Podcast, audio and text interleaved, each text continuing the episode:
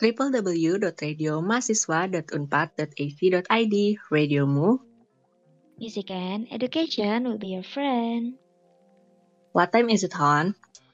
It is time to spill the tea. Welcome back to Tea Time, viewers. Yeah, viewers, welcome back to Tea Time. In here, we have us again with Nutrax Honami and my partner. And I'm Utrex Quita. Hello, viewers, what's up? What's up, viewers? You guys miss us? Because we miss you too, obviously.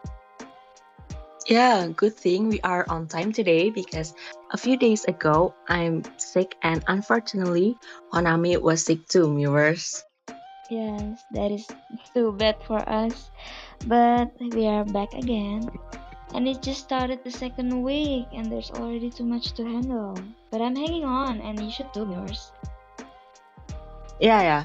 And what are you busy, Han? Well, I'm pretty busy, but uh, but mostly busy studying. Yeah, me too.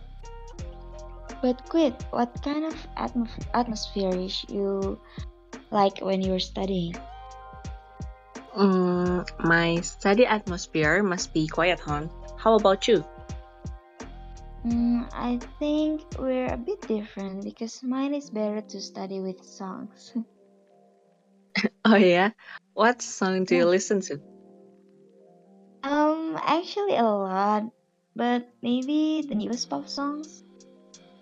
And lately, I've been hearing to Taylor Swift because she's going to release a new album, right? Right, and viewers, you know, Taylor Swift actually announced the new album in her speech at the MTV Video Music Awards, or VMA, two weeks ago, 29 August to be exact. Yes. And what did she win there? Quit. She won Video of the Year by Video I mean a music video. Oh, really? Which video? The short film All Too Well Taylor Swift version. Oh, that that 10 minutes long video music. Yeah, yeah, right. You're right. but I love that short movie to be honest. Like Sadie Sink and Dylan O'Brien did amazing acting, really. Yeah, I'm agree with you. And the way she announced her album is also a big surprise.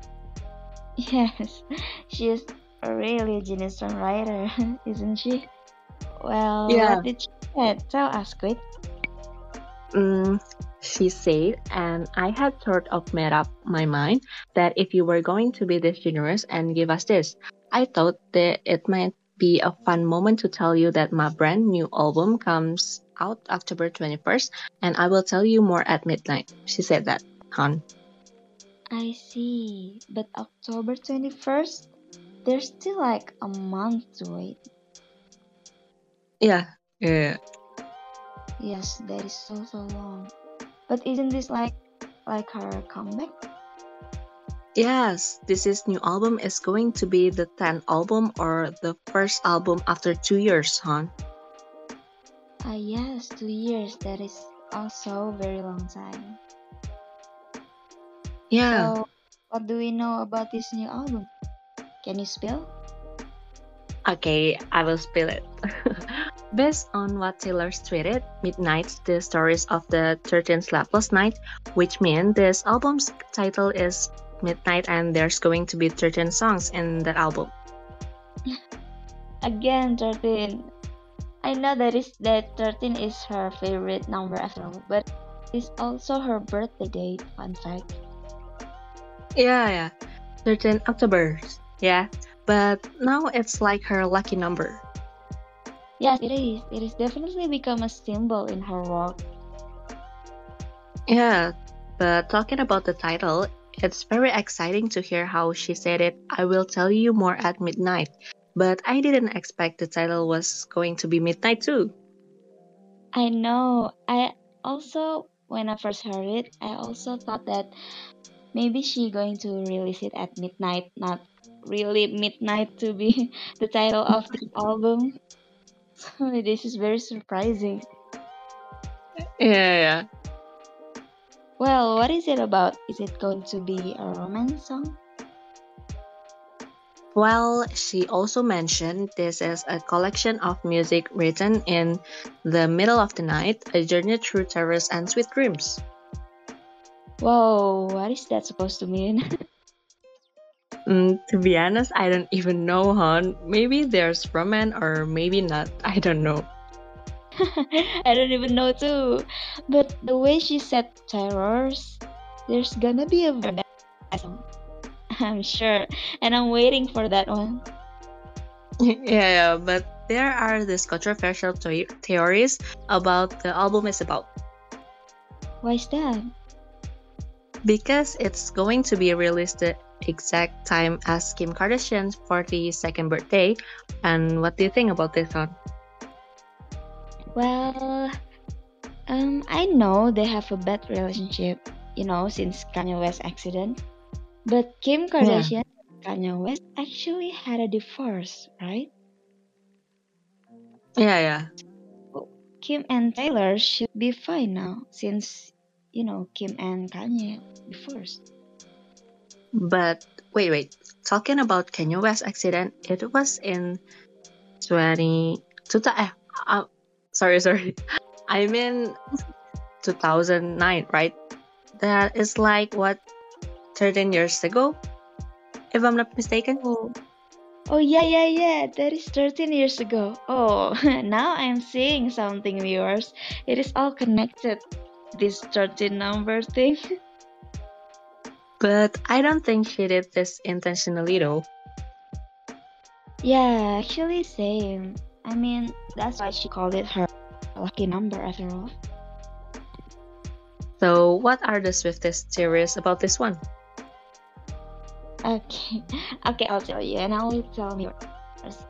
Well, they think this is the way Taylor got her revenge, since both Kanye West and Kim Kardashian really, really treated Taylor Swift badly. Okay, spill it, Han.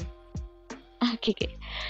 So we we're back to 2018, uh, 16, sorry, where Kim Kardashian leaked a private phone call between Taylor Swift and Kanye West, saying that Taylor will give Kanye permission to use the lyrics, and I quote, "I feel like me and Taylor might still have love in his song."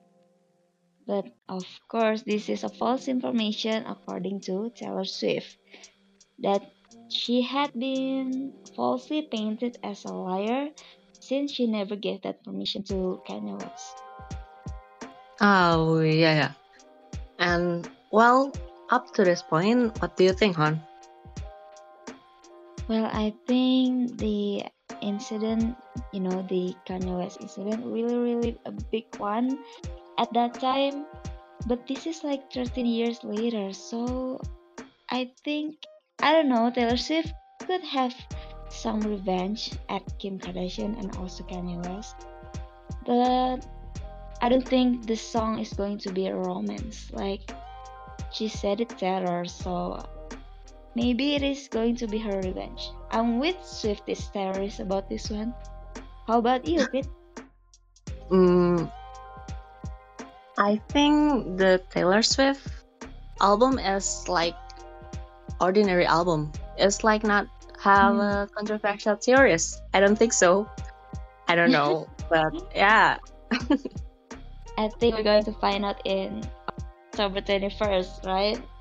Right, right. We wait, we wait. Okay, and viewers, you you should have wait too. A month. Yeah, of course. long time. Yeah, yeah.